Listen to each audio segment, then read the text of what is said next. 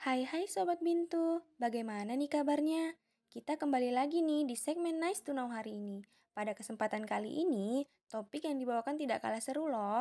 Kali ini, kita akan membahas mengenai kesehatan psikis pada bayi dan anak yang mana terkadang para ibu kurang memperhatikannya.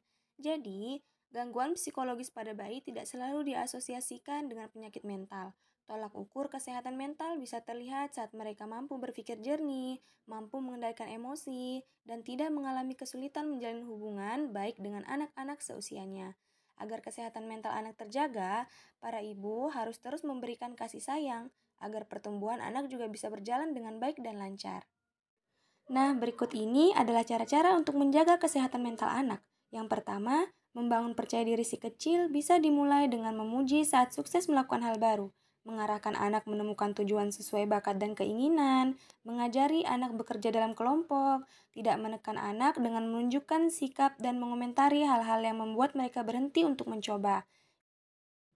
Selanjutnya, mendorong si kecil bersosialisasi bermain dengan teman sebaya diperlukan supaya si kecil belajar hidup berdampingan dengan orang lain. Hal ini juga perlu supaya dia mengenali potensi, baik kelebihan maupun kelemahan dirinya. Selanjutnya, membiarkan bermain dan menikmati proses. Banyak orang tua menganggap bermain hanyalah aktivitas bersenang-senang, padahal waktu bermain merupakan momen yang amat berharga bagi anak-anak.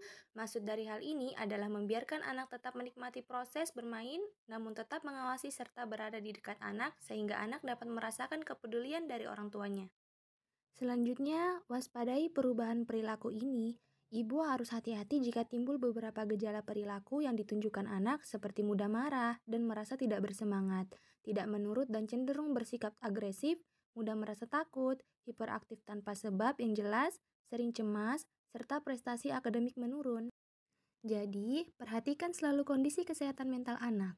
Kesehatan mental atau psikis tidak selalu berkaitan dengan kondisi gila, namun lebih cenderung kepada perilaku yang tidak stabil. Maka dari itu, mungkin saja anak perlu bimbingan dan pertolongan dalam mengatasi hal tersebut.